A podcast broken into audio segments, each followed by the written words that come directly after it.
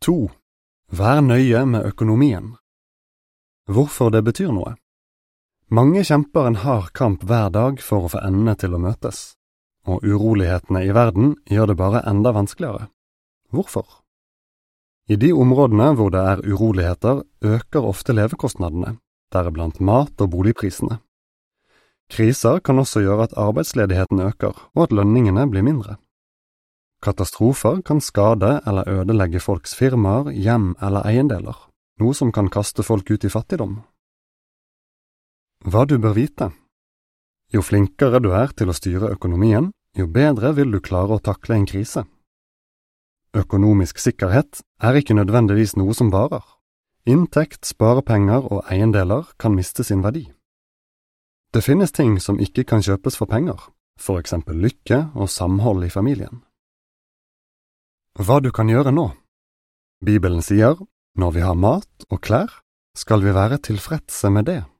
Første Timotius 6,8 Det å være tilfreds vil si å begrense det man har lyst på, og være fornøyd når man får dekket sine daglige behov. Dette er spesielt viktig når man ikke har så mye å rutte med.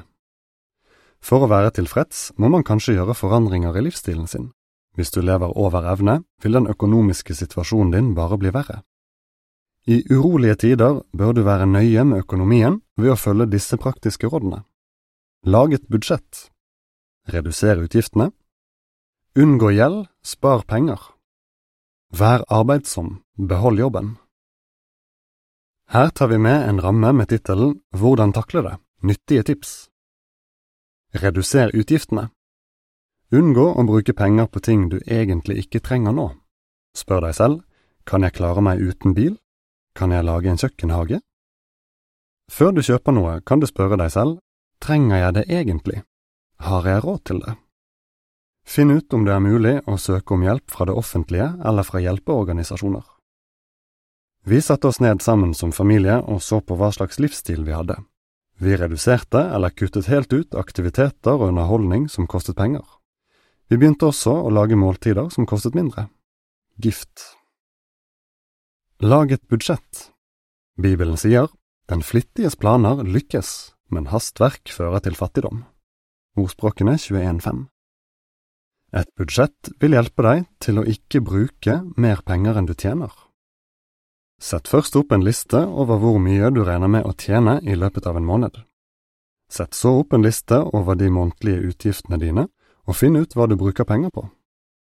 Sammenlign det du tjener med det du bruker, og finn om nødvendig ut hvilke utgifter du kan redusere eller kutte ut. Hver måned lager vi en liste over inntekter og utgifter. Vi prøver å sette av penger til uventede og planlagte utgifter. Det gjør at vi er mindre bekymret, for vi vet på forhånd hvordan vi vil bruke pengene våre. Carlos Unngå gjeld, spar penger. Ha en god plan for å nedbetale gjeld. Hvis det er mulig, så unngå å pådra deg gjeld i det hele tatt. Prøv heller å spare til det du trenger. Sett av litt penger hver måned til planlagte og uventede utgifter. Vær arbeidsom, behold jobben. Bibelen sier Alt hardt arbeid fører til noe godt. Ordspråkene 1423 Ha et positivt syn på jobben din. Selv om du ikke skulle ha drømmejobben, gir den deg en inntekt. Prøv å være arbeidsom og pålitelig. Dette kan hjelpe deg til å beholde jobben, eller gjøre det lettere for deg å skaffe deg en ny jobb. Jeg tar de jobbene jeg får, selv om jeg ikke liker arbeidet eller får så godt betalt som jeg skulle ønske. Jeg har høy arbeidsmoral og jeg gjør en god jobb som om jeg jobbet for meg selv. Dimitri Hvis du ser etter en jobb, ta initiativet. Kontakt firmaer som kan ha en jobb du kan gjøre, selv om de ikke har søkt etter folk. Fortell venner og familie at du ser etter jobb. Vær fleksibel. Du vil sannsynligvis ikke finne en jobb som oppfyller alle ønskene dine. Finn ut mer.